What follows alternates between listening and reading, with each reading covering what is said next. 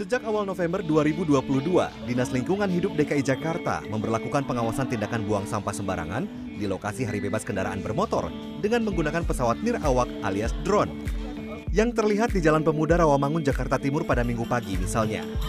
Suku Dinas Lingkungan Hidup Jakarta Timur berkolaborasi dengan Suku Dinas Kominfotik Jakarta Timur mengawasi perilaku warga membuang sampah.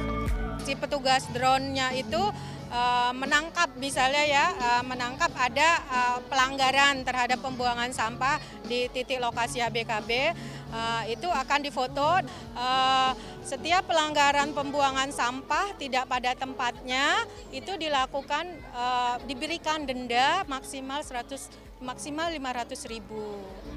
Sebuah drone diterbangkan oleh petugas di sepanjang ruas jalan ini.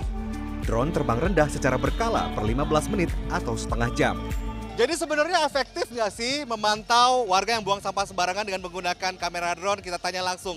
Biasanya gimana nih untuk menangkap warga yang buang sampah sembarangan nih Bang?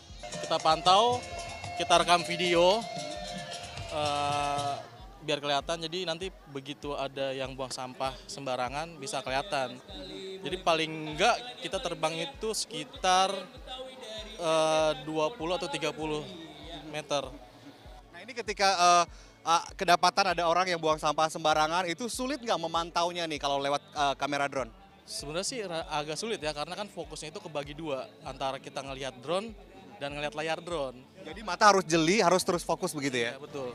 Selama dua jam pengawasan dilakukan, petugas berhasil menjaring empat warga yang kedapatan membuang sampah sembarangan.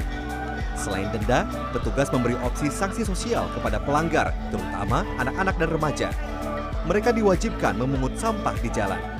Ya udah sih, gak tahu sampai saya tinggal dan ya udah saya langsung lari terus dipanggil sama bapak ini. Kapok ke buang sampah lagi nih? Kapok. Selain menggunakan drone, pengawasan aksi buang sampah sembarangan ini dilakukan oleh sekitar 30 petugas di lokasi hari bebas kendaraan bermotor. Pemantauan aksi buang sampah sembarangan warga dengan menggunakan drone harus dievaluasi kembali karena drone memiliki keterbatasan waktu terbang. Satu drone saja hanya bisa terbang sekitar satu jam.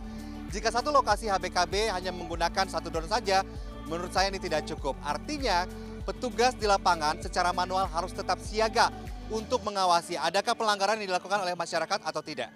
Victor Paribuan, Fajar Bolivia, Jakarta.